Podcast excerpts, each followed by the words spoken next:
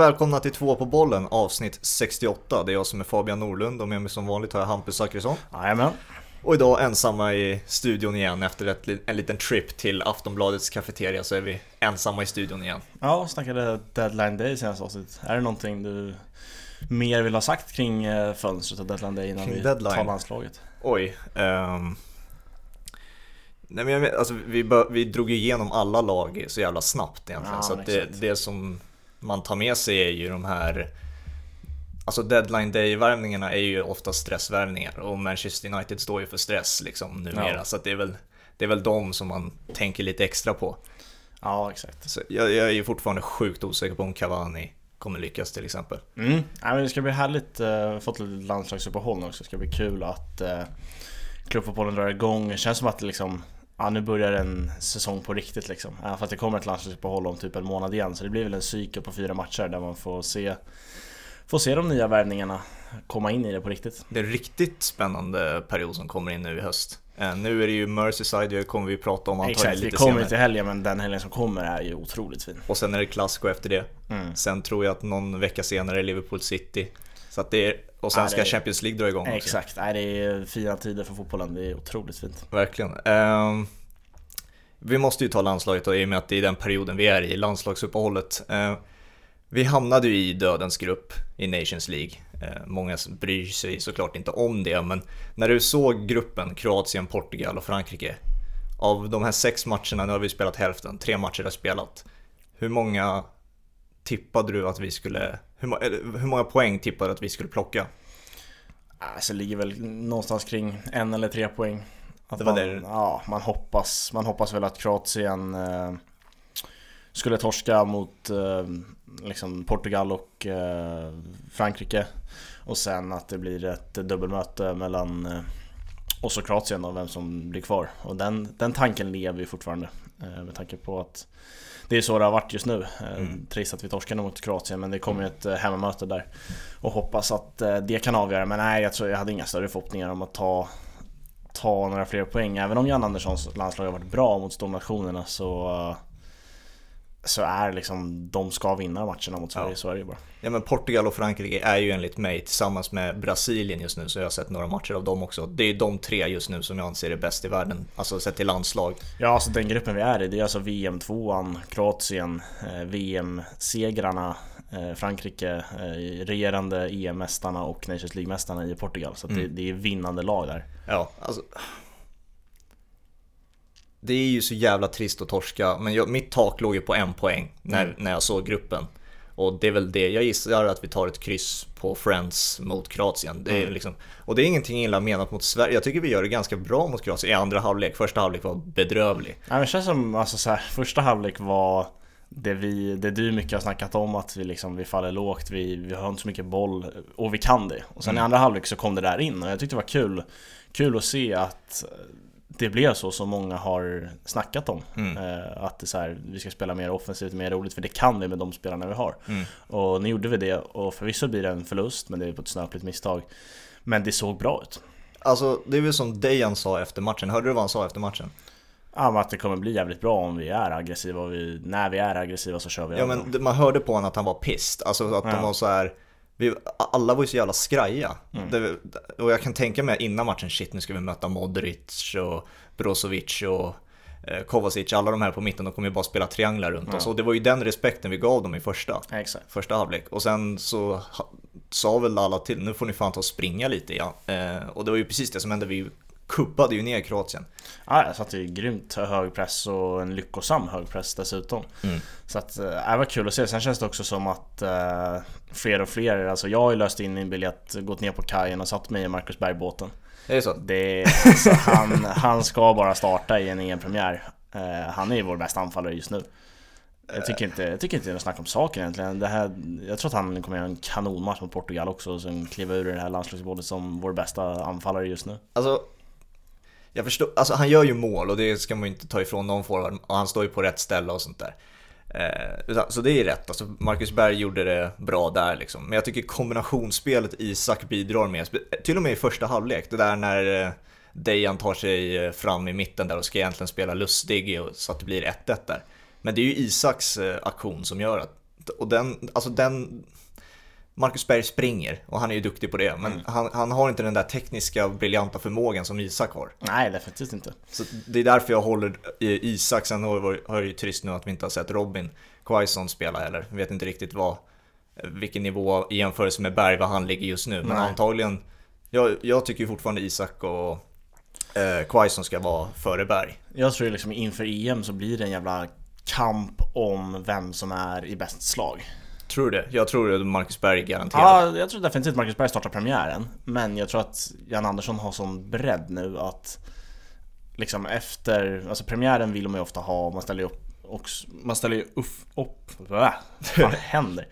ställer ju oftast upp med laget man känner sig mest trygg i. Det var ju därför Seb Larsson startade istället för Dejan i uh, premiären där i Nations League och det blev ett jävla liv. Mm. Uh, så Marcus Berg tror jag absolut startar premiären, men sen kommer det vara en kamp om vem som är i bäst slag. Uh, och just nu är Marcus Berg i bäst lag, så att, jag tycker att det är kul att se att han även får göra mål. För det är det alla tjatar om att han ska göra och nu gjorde han det mot Kroatien. Så att, jag är ju sån, det vet du ju. Så jag söker alltid efter förbättringsområden i varje lag. Det står ju inte bara för Sverige utan för alla lag.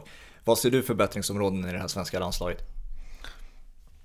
Alltså det var, det blir så märkligt för att jag såg landslaget i ett helt annat ljus eh, i andra halvlek än vad man har gjort innan kanske. Alltså jag har ju varit ganska nöjd med det här lågt stående, hårt arbetande, vi, vi, tar, vi tar de segrarna vi ska ta och vi kan även skrälla mot stornationerna.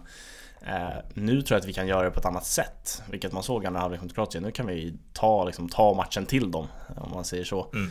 Eh, så att det är väl fortsätta jobba på det, men sen är det ju Alltså att försvarsspelet måste ju bli bättre om vi ska kliva med hög press. Mm. Nu är det ett jävla snöpligt misstag, men det kostar ju hela matchen. Ja, så är det Så här, ja, vi är i en blandning just nu känns det lite som. Mm. Alltså sett till spelarna vi spelar. Och det funkar ju från match till match liksom. Så är det ju. Eh, men vi har ju tidigare spelat med spelare som är bekväma med att sitta lågt och nu börjar vi få in, alltså exklusive kanske Emil Forsberg som är, gillar att ha boll. Nu får vi in Dejan också, Kristoffer Olsson har kommit in.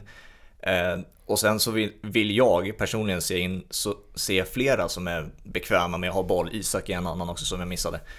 Jag tycker även Albin Ekdal ska man ta med i den ekvationen för han kan göra lite av det båda. Han är, mm. alltså, han är ganska bra med bollen, han ska inte ha bollen i sista tredjedelen. Men han är väldigt bra i uppspelen. Så att, uh, jag tycker att vårt, liksom, vårt bollskickliga mittfält som vi ställer upp med mot uh, Kroatien är jävligt mm. trevligt. Alltså, det enda nackdelen jag ser är att när det blir en blandning så blir det lätt en blandning också i i spelet och det är, det är en risk ser jag att vissa spelare vill lägga sig lite lågt, vissa vill börja spela och trilla lite boll. Och den blandningen är inte jättebra att ha. Speciellt inte om man har ett, ett möter ett bättre lag än Kroatien. Mm. Så om vi skulle möta Portugal eller Frankrike, vissa går upp på hög press och vissa vill falla lågt. Då blir det ytor. Liksom. Vi möter ju Portugal, vi spelar in det här tisdag, möter ju Portugal imorgon mm. onsdag.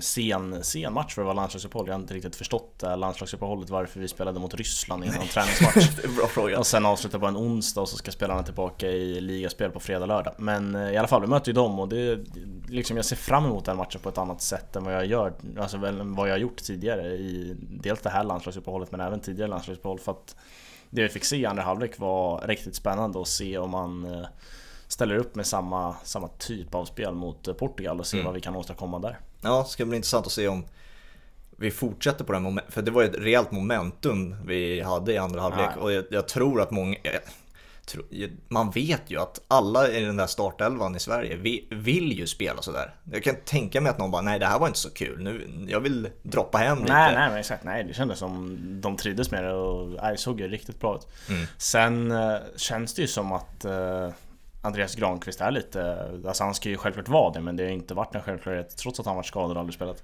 Men det känns ju som att eh, liksom, nu, nu är Marcus Berg kapten, Ekdal och Larsson har haft den i någon match också men det känns som att liksom man det blir svårt för Granqvist att ta sig in till det här laget alltså. Trots Ponnes misstag. Så... Jo men det, det, är väl det det hänger på lite att eh, Lindelöf och Ponne måste göra det liksom helt Alltså hundraprocentigt. För att jag, jag ja. tror att Janne rankar Andreas Granqvist eh, så högt i landslaget. Alltså han litar ju på honom till 110% Det har vi ju liksom fått, ja, fått det väldigt tydligt för oss att så är det ju Jag tror han knöt näven i fickan när han såg podden sänder. Jag tror att han var väldigt nöjd alltså. I alla fall så låg låg nog Granqvist hemma i soffan och körde en liten mini, mini pumpfist i fickan Det gjorde han absolut En tidigare kritik jag haft till Janne är, ehm, och det här, du, du får säga om jag, du tycker att jag har fel här, men jag tycker att Janne kan dra enormt stor nytta av att ta in de här unga talangerna långt tidigare än vad han gör. Dejan är ju största exemplet. Jag tyckte han kom in typ ett år för sent. Ja. Ehm, Jag ser ju gärna de här unga talangerna som man kan se kommer, alltså kommer ta sig ut i Europa. Eh, Att de, man tar in dem som 23, 20 22 man i landslagstruppen så man får lära sig kulturen i landslaget så att när det väl är ens tur att starta i startelvan så är man bekväm med landslaget. ja. Så man inte bara, som Dejan, han bara kastades in mot, vad fan var det, Frankrike?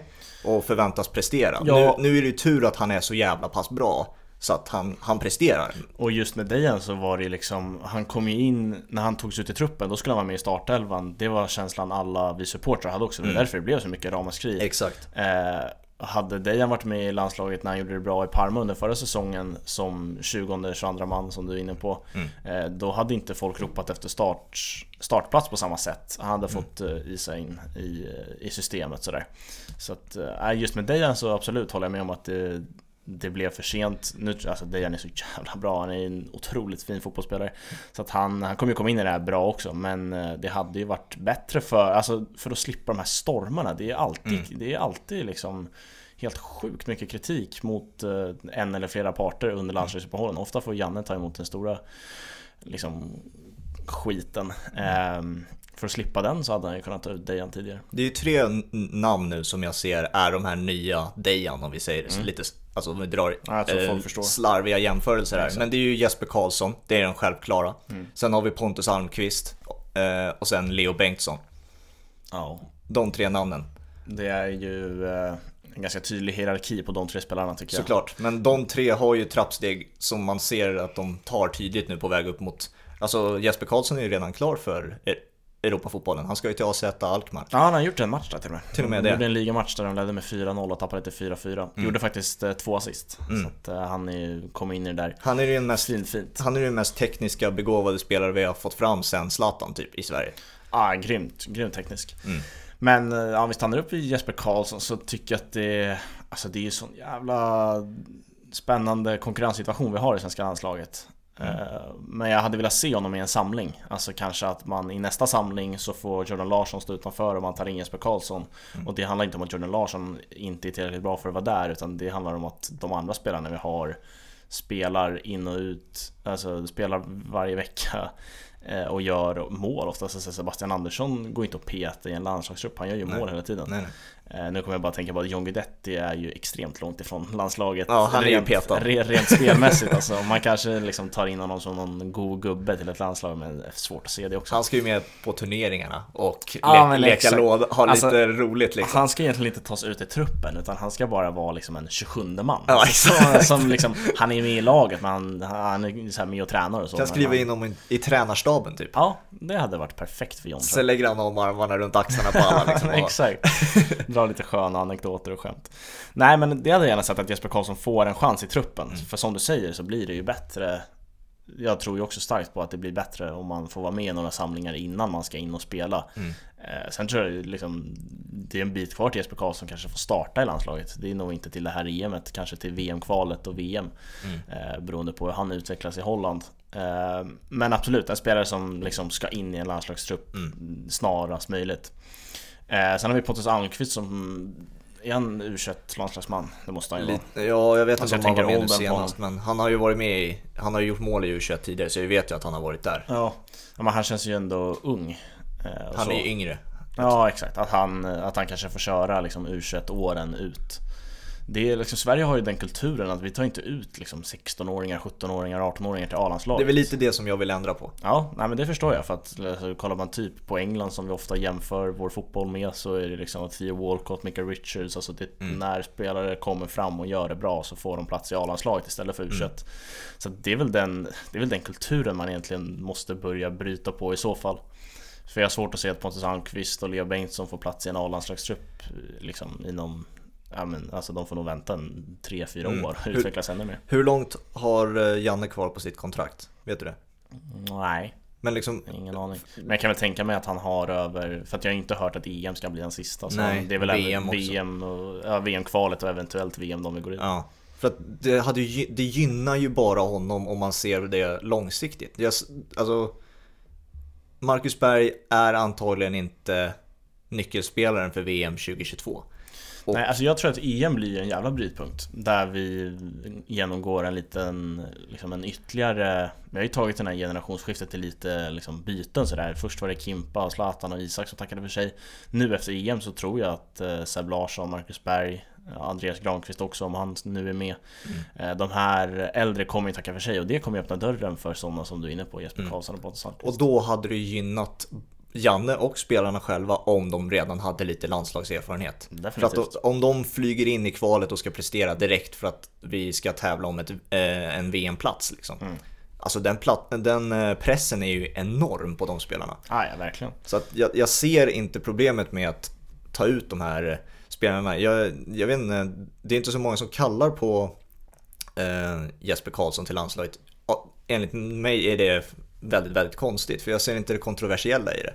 Ja, jag tror, att, jag tror att fler och fler kommer hoppa på den eh, båten nu när han har tagit sig till Eredivisie och eh, gör det bra där. Mm. För att han började med två assist och han har ju en enorm förmåga redan nu och en ännu högre potential. Så Mm. jag, tror att den, jag tror att det kommer ropas mer och mer på Jesper Karlsson faktiskt.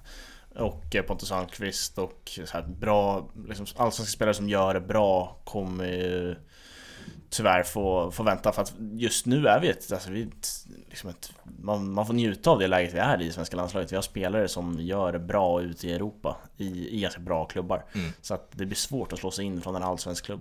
Mm. Så är det. Har du sett något annat eh, från eh, landslagsuppehållet då? Något som du... Någon match? Något Ja, lag som sticker alltså- ut? Det här landslagsuppehållet tycker jag liksom de stora nationerna de, eh, de spelar ju 0-0 och låter varandra vara.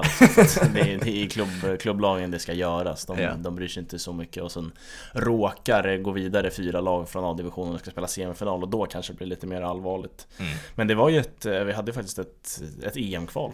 Det var ju semifinaler i playoffet. Serbien-Norge va? Ja, Serbien det var ju hur många matcher som helst. Det var väl 16 lag eller någonting som kvalade. Jaha, det, det var, ja. det var mycket straffläggningar. Skottland tog sig vidare på straffar. Mm. Eh, Irland tror jag åkte ur på straffar. Island och Hamrén tog sig vidare va? Ja, exakt. Han är ju fan en final nu mot... Uh, fan skulle de möta? Jag tappade det, men det var inget, super, det var inget superlandslag de skulle möta så. Eh, Så han är ju 90 minuter ifrån eh, en EM-plats med Island, det får man ändå säga är starkt. Ja.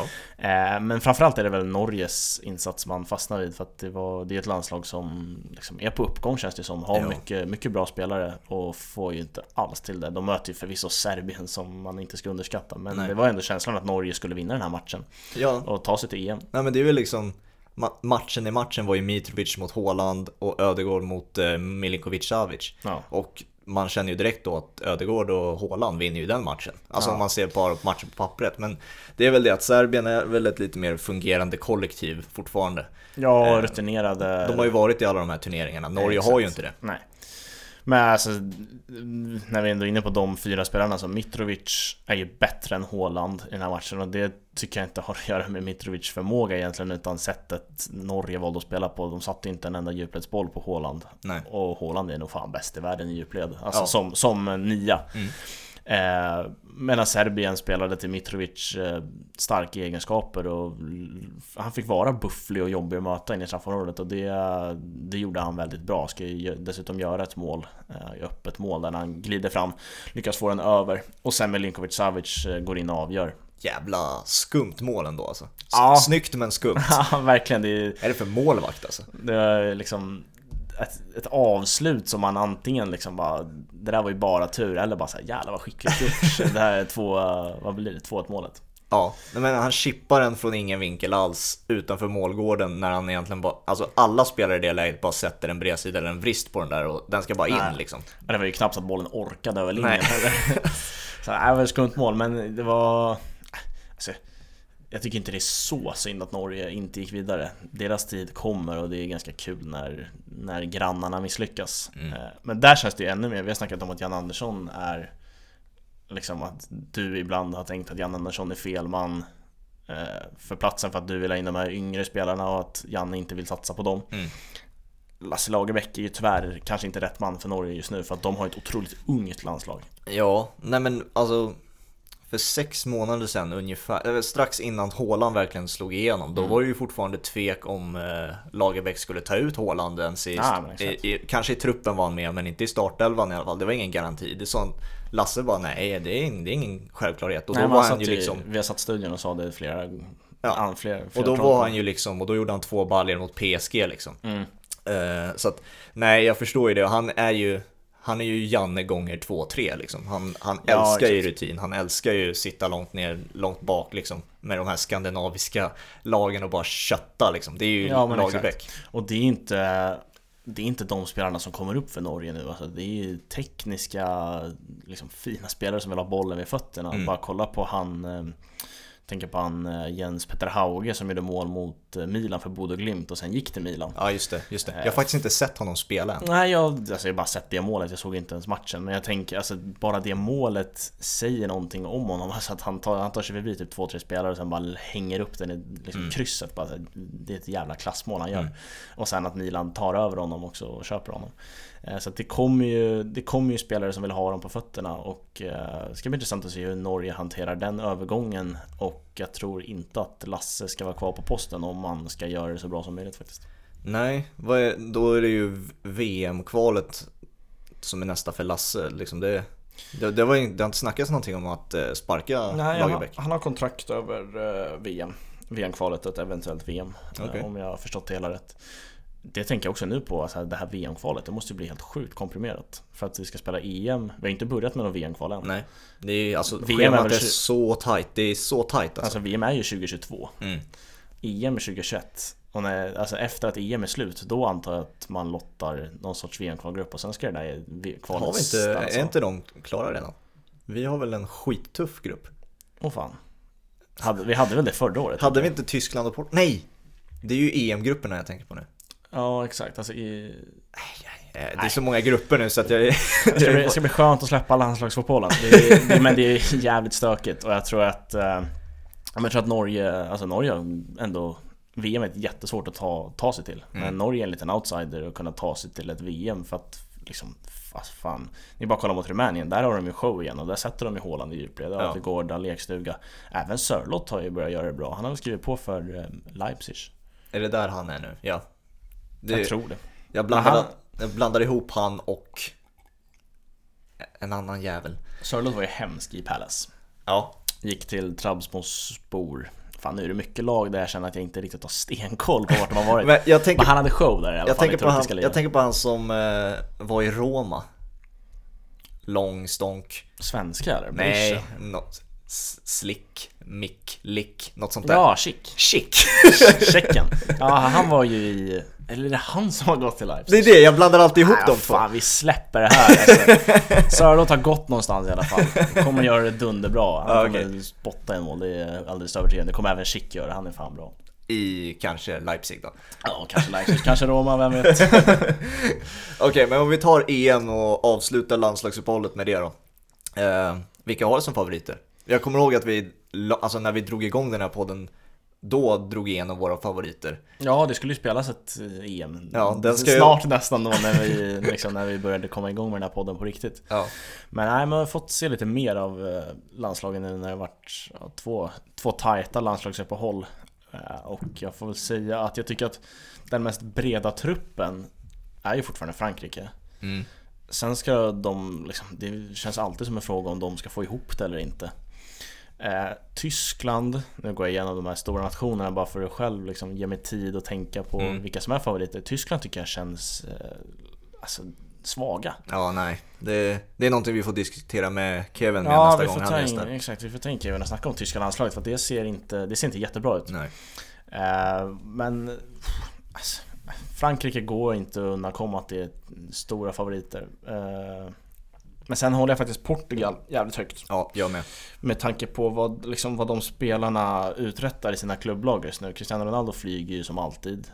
Um, och sen Ruben Diaz har tagit sig till City. Mm. Kommer utvecklas eh, mycket, mycket på grund av det liksom. Och sen har vi Bernardo Silva. Jao eh, Felice börjar ju börjar komma igång i Atletico Mm. på riktigt nu. Så att, nej, jag håller faktiskt Portugal som Ja, liksom, jag vill inte säga Frankrike för att Nej, jag, det är tråkigt. Ja men det är, så, det är så tydligt att de har bästa truppen tycker jag i alla Ja. fall Så att jag säger faktiskt Portugal Alltså, innan, vi, innan jag drar min favorit, det, det är intressant med Portugal. Jag tycker man kan dra den jämförelsen med Sverige och det jag vill se lite. Att de tog fram de här unga talangerna långt tidigare än eh, när de, var, eh, när de vann Nations League. Alltså strax efter EM 20, eh, 2016 där, där de vann. Då började, alltså efter de var Europamästare, då började den här förändringen ske. Då försvann ju alla de här Bruno Alves, Nani, Quaresma, alla de här spelarna som har varit med i truppen länge. EPP kvar? Han är kvar. Ja, Eh, så att alla de här försvann ju, alla de här ledare, ledarna utöver Ronaldo och Pepe då. Och, och så tog man in någon som hette Bruno Fernandes, vem fan var det? Jo, han spelade i Sporting. Senare kom Joao Felix, Ruben Diaz kom in, vem fan var det? Och nu, nu, liksom, nu när de har liksom 20 till 50 stycken landskamper, det är nu de, och de är hypade och de spelar de bästa europeiska toppklubbarna i världen. Nu presterar de som bäst och det är ju exakt så det ska vara. Nu är de ju varma i kläderna. Det intressanta med det är att vi mötte ju Portugals u landslag i eh, finalen 2015 Och där var alla, alla där nästan. Nej, jag har känslan av att det inte var så Så här, det var För att vi... de hade ju mittfältet med, jag kommer ihåg Sergio Oliveira Han drar ju en frispark i ribban, Just det, jag just tror det. ribban skakar fortfarande där i Prag alltså. Otrolig frispark, han har man inte sett någonting av eh, Sen kommer jag ihåg eh, Gonzalo Paciencia Han är ju och stökar i, jag vet att han var i Frankfurt förra året i alla fall han, har varit eh, lite, han har varit lite fram och Men tillbaka. typ Ruben Neves, var han med i det laget? Eh, nej. Är Ruben Neves med i landslaget? Ja, ja, det. Alltså det är en spelare som verkligen inte har fått den utveckling Nej. som han kanske borde ha fått Nej, det, de som de som jag vet nu på rak arm som spelade den där finalen var eh, Bernardo Silva och William Carvalho. Mm. Men det, nu, har, nu när du säger det, nej det är fan inte fler än dem. Nej, men det, det är ju en, alltså Portugal är ju en jävla bra generation med tanke på Mm. att det landslaget gick till final. Mm. Eh, och sen har de liksom fyllt på med ännu fler spelare som har tagit sig in i A-landslaget och gör det bra där nu. Mm. Så de, de är ju en spännande linda med liksom Ronaldo som gör sina två sista mästerskap här, EM och VM. Mm. Och de känns som att de kan ta medaljer i både EM och VM. Ja, sen ska jag vara tydlig, jag fattar ju att det är skillnad på kvalitet Portugal jämfört med Sverige. Men jag Ja. tycker det är en intressant jämförelse att dra ändå. För att jag tycker att Fernando Santos som Portugals förbundskapten, han har gjort det väldigt bra. Han har byggt den här, framförallt startelvan som de ställer upp nu mot Frankrike. De är så sammansvetsade. Det känns som att, det, att ett klubblag spelar med Ja. varandra. Liksom. Och det är det jag önskar att Sverige att man kunde ha den lite långsiktigheten och kunna tänka igenom de här unga talangerna. Jag kan se en liten, liten liksom likhet faktiskt mellan Santos och eh, Jan Anderssons liksom byggen. Det är ju att eh, Santos i början var ju ganska, det var ganska mossig fotboll. Det var liksom 0-0 och bra defensiv. Det var egentligen så de vann EM. Ja, ja, de vann ju fan inte en match förrän i... Nej, de vann inte en match, Nej, de vann på, inte en match. på 90 Nej, minuter. exakt. Jo, förutom semifinalen mot Wales. Just det, då körde de över Wales Ja. där ja. Fast Det var, nej, var inte det fan overtime också? Nej, nej, nej. Det, den Nej, jag. okej. Men där, då sätter han ju defensiven. Alltså Mm. så här Santos, där satte han defensiven, det här var inte hans liksom, första år som Portugal-tränare, men han satte defensiven i starten Mm. och sen bygger han på med lite offensiv eh, liksom, kreativitet eh, med liksom, bra spelare som kommer in men också att ge dem friheten. Det tycker jag att Jan Andersson visar i, i andra halvlek mot Kroatien som vi var inne på. Mm. Att han bygger på med de här spelarna som kan göra det eh, men också ger friheten att få göra det. Mm. Så att, ja, liten likhetsseende mellan Sverige och Portugal. Får jag hoppas att vi blir lika bra som Portugal helt enkelt. Jaha, gärna det alltså. Gärna. Och det blir intressant som du säger. Vi, när vi spelar in det här, det är tisdag, dagen innan, eh, dagen innan matchen mot Portugal. Så när det här, när det här släpps, då är det samma dag som Portugal. Portugal-matchen. Ja, det ska bli intressant att se. Mm, verkligen. Ehm, ska jag dra min favorit då? Vi, lag som du inte nämnde, det var ju England, Belgien. Ja, England skulle jag såklart vara inne på. Belgien också. Ehm, för att jag, jag, jag, skiter, jag skiter i lite vad det blev i England, Belgien för att de hade inte Eden Hazard. Och Nej, du- säg, säg vad man vill om Eden Hazard i Real Madrid, men i Belgien, där är han grym. Det är lite som jag var inne på att de, eh, De känns inte som de går 100% i de här Nations League-matcherna. Nej, du, såg du situationen med Monier och Henderson efter slutsignal? Nej, jag såg att det togs upp på Twitter men jag har Ja. inte sett vad som hände. Henderson får ju då en eh, straff eh, i den matchen. Just det, det, det Och Monier, det Monier drar honom lite lätt i axeln och Ja. Henderson slänger sig lite, lite extra sådär. Och då, alltså istället för att konfrontera honom med ilska som jag hade gjort Mm. som spelare, då går fram, Monier fram liksom och drar liksom som ett skämt om det och liksom gör en Louis van Gaal och liksom skådespelare här liksom. Och jag tror Henderson blev lite förvånad också, bara, ja du, du bara tar det här som ett Ja. skämt egentligen. Men det, men det är väl det som är lite med det här Nations League, ingen egentligen bryr sig. Nej. Så att, Framförallt inte A-divisionen med de här lagen som liksom de, de kommer inte åka ur A-divisionen men de behöver inte heller vinna Nations Nej. League för att det är ingen titel som de bryr nej. sig. Så att, Men England och Belgien är ju bra, bra, bra aspiranter som du tar upp. ja, Lukaku, alltså, han gör ju mål varenda jävla match. Ah, han är fantastisk. Och det är ju framförallt i Belgien han eh, glänser. Jag vet inte fan. Han har, jag såg någon statistik, jag tror alla har sett den nu som följer fotboll, att han har bättre målstatistik än vad Messi och Ronaldo har i, i landslaget. I och för sig det är inte jätteimponerande att ha bättre än Messi i landslaget, men Nej, det är väl den eviga, den eviga grejen man har mot Messi, att han inte är tillräckligt bra i landslaget. Men sen, han har ju hyfsade stats, men det är ju Ja. Messis mått mätt. Man, man snackar om hans landslagsfacit. vad har vi mer då? Utöver Belgien och England så har vi Portugal, Frankrike, jag tar bort Tyskland, Mm, de får man faktiskt ta bort. Holland. lite nu. Ja, de var ju väldigt fina under Koman. och just nu har de ju Frank de Boer ja. Ja exakt, så det, det faller väl bort lite bara på grund Ja. av det. För att under Koman så flög ju spelare som, alltså Wijnaldum är ju bra i Liverpool, men han var ju fantastisk i landslaget. Mm. Eh, Depay gjorde mål varenda match, eh, Quincy Promes var ju hur bra som helst.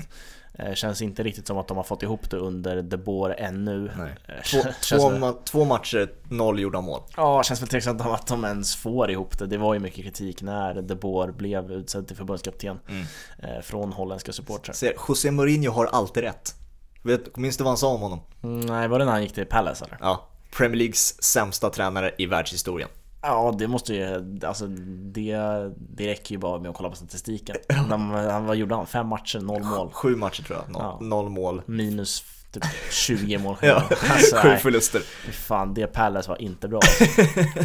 nej, nej, men håll- det, det, vi får väl säga det. Det blir ingen blir inget EM-guld för Holland tack vare Frank de Boer. Ja, nej, det hade känts mycket mer spännande med Ronald Koeman. Ja. Men jag tycker att eh, Portugal lite outsider, sen liksom, jag glömde bort nästan England och Belgien. Eh, det, jag tycker att Frankrike, England, Belgien är de tre starkaste just nu i alla fall. Mm. Och England har ju nu fått den här bredden som man inte riktigt, man har, ju haft eh, Golden Generation men mellan här har ju känt som att de inte riktigt har den här bredden av kvalitet men nu har de ju det. Det Där, känns ju som det kommer en, alltså den här är ju deras nya golden generation nu. men däremot, jag har aldrig sett en förbundskapten så hatad som Gareth Southgate är alltså. Av engelska supportrar. Shit vad de hatar honom alltså. Åh fan. Det är ju, du har inte sett, följt det eller? Nej, jag, jag tänker att det var, det var liksom han räddade nästan sitt jobb med VM-insatsen när de kom fyra liksom. För Ja. att eh, där kommer jag ihåg att han var pressad inför och Mm. jag gjorde det jävligt bra i det VMet. Det var ju liksom Grejen med det är ju att det är lite vinklat eftersom att de enda, det enda laget som de faktiskt slog var ju Sverige. Alltså av rent kvalitet. Ja, ja, alltså det var ju som Det var ju Panama Det var och väl Harry Kane som vann guldskon i VMet också, gjorde ju typ bara mål mot Panama. på straffar. Ja, han gjorde här sex, sex, eh, fyra mål mot Panama, sex mål totalt, fyra på straffar. Nej men kritiken är ju, om du tycker att jag gnäller mycket på Jan Andersson Mm. och laguttagningar, shit vad det gnälls på Gareth Southgate och eh, hans laguttagningar. För det är ju liksom Folk vill inte se Pickford i mål till exempel. Folk vill Nej. inte se, även fast han gör mål, Mason Mount. När du har Jack Grealish. Ja, det blev jag faktiskt lite chockad över att han valde Mount Han har ju, Grealish. hörde du vad han sa om Jack Grealish? Nej. För folk, alla undrar ju nu, vad fan startar du inte Jack Grealish för? Och hans svar var, ja nu presterar han ju på en väldigt bra nivå men han måste ju ut och bevisa det mot bättre motstånd också. Ja, okej. Jag bara, vad fan Ja. kallar du Premier League för då? Nej men Liverpool är ju fan ändå inte så bra. Nej, han, vad fan gjorde, glänste alltså- ju mot Liverpool liksom.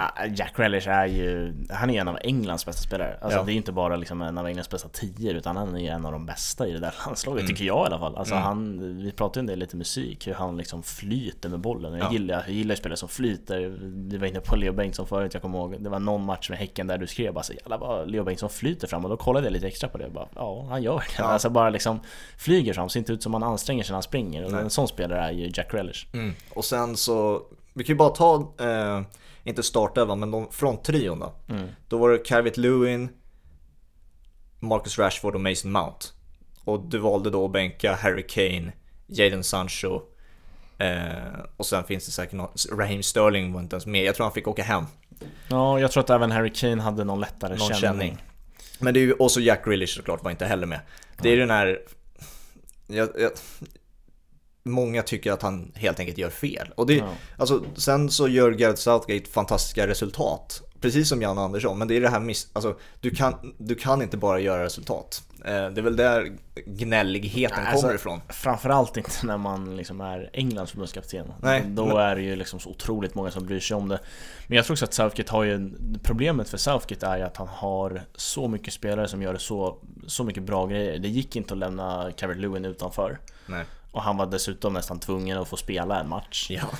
Och det, det är så många spelare, så, så här, jag vet inte om Danny Ings har tackat nej till annars. Jo, han är med. Ja, han är med. Ja, just det, han gjorde ju mål för Han fan. gjorde för fan en bissa. Ja, oj oh, jävlar till och med. Ja. Jag har sett väldigt lite mål från eh, helgens matcher, men eh, han är ju med. Alltså det är sådana där spelare, det, liksom, det går inte att lämna utanför dem för att de gör mål vecka in och vecka ut Mm. i Premier League och det är ganska många spelare som gör det, liksom som är engelsmän. Den som saknas är ju Jamie Vardy.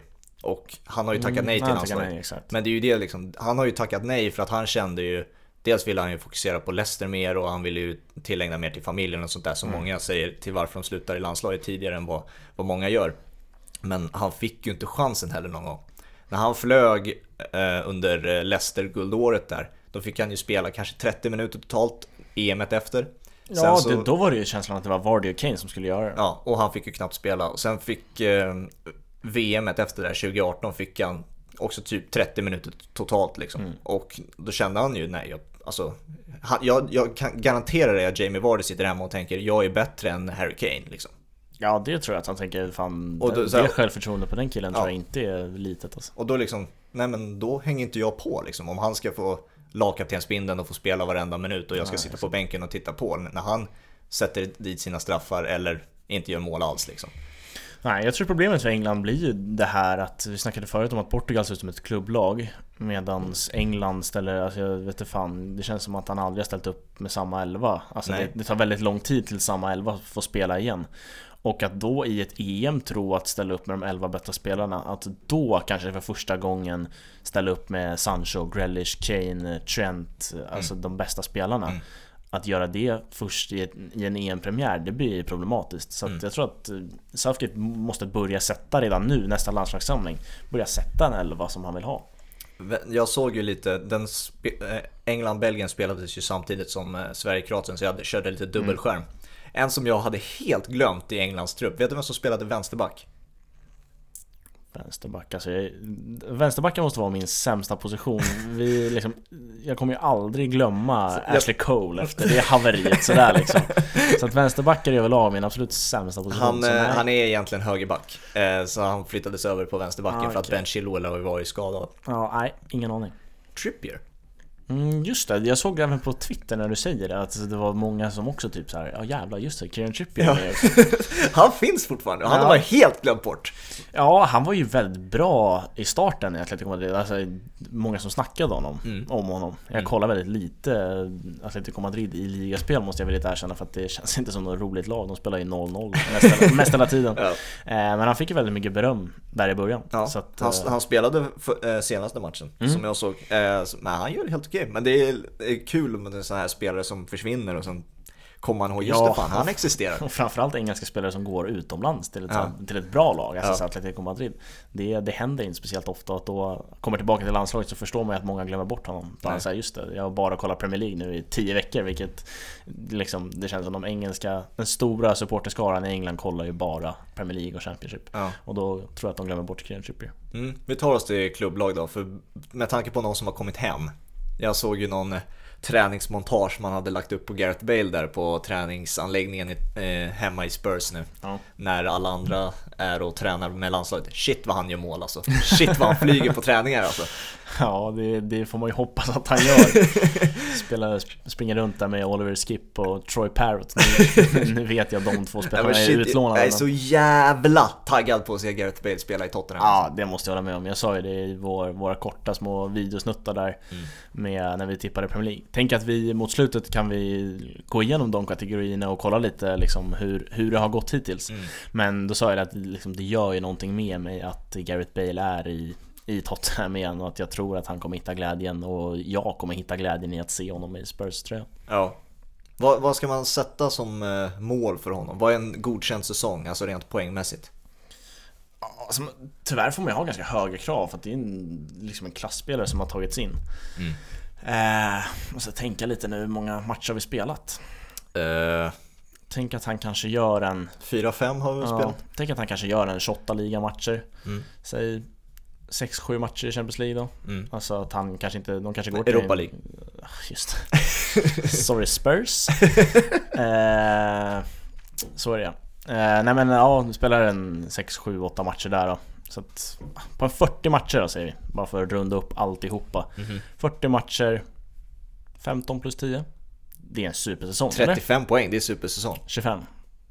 15 plus 10. Ja, 25 på 40. ja men varför Men inte? det, det är en bra säsong. Alltså jag tror att han, jag tror inte han når 20 mål. Nej. För alla liksom. Men att, eh, nej, jag säger 15 plus 10 sätter jag mig i ribban. Det känns som en rimlig bra och jag tror att många har varit nöjda med en säsong om han gör 15 plus 10. Och det beror väl lite på hur, hur den här offensiven fortsätter för Tottenham. Om den fortsätter flyga som den gör nu, då kommer han göra mycket poäng. Exakt, jag tror att många går in med tanken att den är typ världens bästa just nu. Bara för Ja. att de, gjorde, de, de har gjort det jävligt bra. Mm. Men jag, jag tror mer att det kommer bli lite upp och ner. Eh, Att de kommer flyga ibland och sen kommer Mourinho vilja stänga matcher ibland. Jag tror Mm. inte Mourinho hade gameplanen mot United att göra sju mål eller vad fan de gjorde. Nej. Eh, Det var nog inte gameplanen, sen blev det så. Men ja, absolut, alltså Son, Kane och Bale, det kittlar ju. Mm. Lördag då? Då är det Merseyside. Jag tänker vi knyter ihop säcken med den. Um, hur nervös är du för Everton? För så här jävla bra har inte Everton varit på under min livstid i alla fall. Nej, det, det stämmer ju samma för mig med, i och med att vi är lika gamla.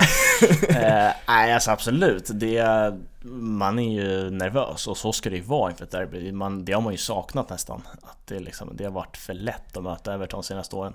Everton är ruggigt, ruggigt bra just nu. Mm. De alltså, mött, mötte ett Brighton som Alltså möjligen lite nedslagna efter att inte ha fått med sig någonting mot den fina insatsen mot United Men Brighton är ett ganska bra lag i år Mm. Spelmässigt, sen har de inte fått med sig resultaten eh, Men de kör över Brighton Ja. De har kört över det mesta som har kommit deras väg De har väl egentligen inte fått någon toppmatch än De mötte Tottenham i premiären och vinner den väldigt starkt Mm. Så att eh, Nej, det är, jag är nervös. Det, det ska bli jävligt kul med ett derby som känns hetare än någonsin. Tyvärr så får vi ingen publik som vi alla vet. Men eh, det ska bli jävligt kul och Everton, Everton är riktigt bra. Mm. Och det känns också som ett litet perfekt läge för eh, för Liverpool att möta Everton på något sätt. Att man tar ner dem på jorden kanske i bästa fall. ja. Eller så rycker de, jag vet inte. Ja, nej, så är det ju. Alltså, det, men det är... Det var länge sedan Liverpool gick in till ett derby och vinner man derbyt så kommer man gå ut med en så här otroligt positiv känsla. Alltså så här, att man får ett, ännu ett lyft. Alltså Everton är ett lag man bara ska ha slagit förut. Mm. Jag tycker fortfarande det är det. Alltså Liverpool ska vinna det här derbyt för att det är ett bättre lag än Everton. Men Everton är så pass bra just nu så att det kommer ge en jävla boost att vinna mot Everton. Mm. Och den här derbyboosten har, har saknats. Mm. Jag tänker att vi, vi tar eh, våra kategorier Okej. som vi tog inför. Då har vi alltså årets genombrott där du hade Ebrechi Esse och Ben White. Jag kan väl börja med Ben White som jag tycker att har haft det riktigt tufft i Brighton. Mm. Han har varit eh, sämst av eh, Ja, sämst av de tre mittbackarna de har spelat med. Han har haft tufft att anpassa sig till eh, ja, Premier League egentligen. Så att eh, han får nog rycka upp sig rejält om det ska bli årets genombrott på honom. Vad, vad säger du om ett- Esse? Av det jag sett så är jag nöjd med min tippning, men däremot så kommer han ju inte, han är inte, han är ju mer en eh, spelare som eh, dikterar tempo i, i matchen. Han, han är ingen poängspelare på det sättet. Nej. Han är en fin lirare. Eh, Martin Ödegård på honom kanske. Ja, jag har sett att får starta lite på vänsterytten. Eh, spelare som liksom blir lite irriterade när han blir utbytt och det Mm. tycker jag är positivt. Han har fina fötter alltså. Verkligen, så eh, det är väl eh, lite fördel, fördel dig där får man väl ändå säga att han Esse ändå fått liksom eh, White har spelat varje match och det var ju väl väntat men Esse visste man inte riktigt om han skulle starta och nu har han börjat spela. Eh, bottenstriden, jag kommer inte ihåg vem som hade vad men vi hade fyra lag i alla fall. Jag hade Fulham- West Ham, Fulham och West Brom. Mm, och jag körde på Fulham, West Bromwich och Burnley. Fulham, West Bromwich ser ju ruggigt usla ut, de behöver vi knappt prata om för att Nej. de ser hemska ut. Men West Ham, alltså vad fan hände där mot slutet? En 4-0 seger och, för att jag har ju David Moyes som första sparkare Ja, men tränare. de, han, Den de, är ju bara de kommer ju nu. klara sig alltså. Det är ju det är Bowen.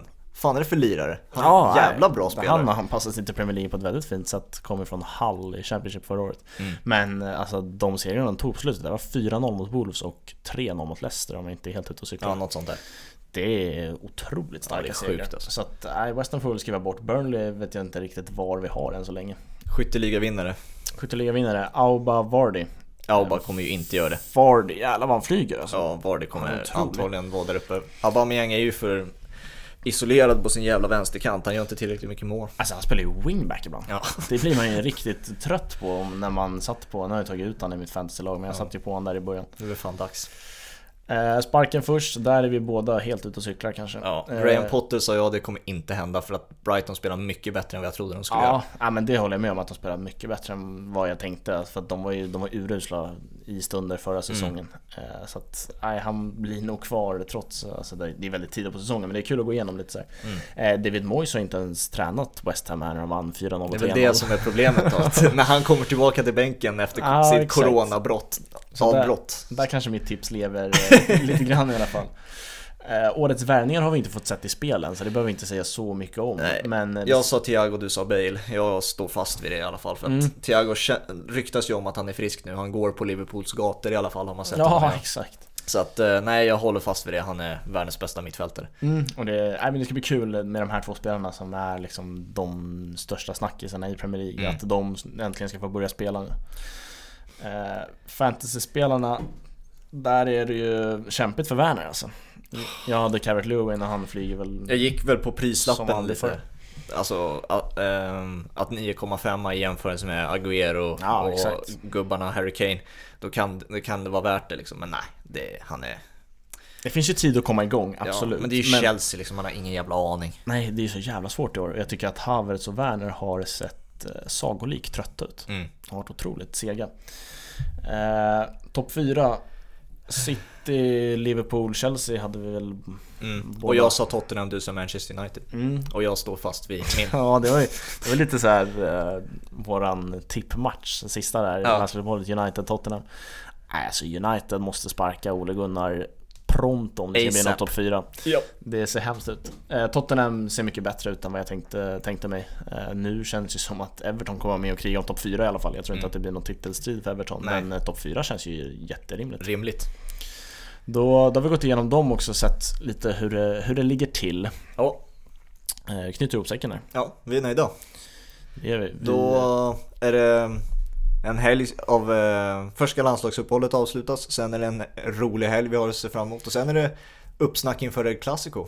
Tror att Pintorp eller Marcello gästar det avsnittet. Ja, Nej, det ska bli jävligt kul. Det känns som, eh, jag var inne på det förut, att eh, ligaspelet kommer igång nu. Jag tror Serie A kommer kickstarta lite för mig i helgen. Mm. För att vi har Napoli, Atalanta 15.00 på lördag och sen kommer Derby della Madonnina, Inter Milan 18.00.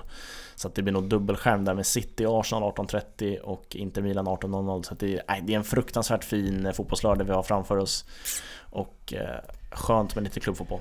Ja, absolut. Eh, Sociala eh, medier. Sociala medier, ja. Kör då. Instagram, tvåpabollen, Twitter, tvåbollen, siffror och inte bokstäver. Ni kan den vid det här laget. Eh, Så hörs vi nästa vecka. Det gör vi. Ha det så bra så länge. Ciao! Tja!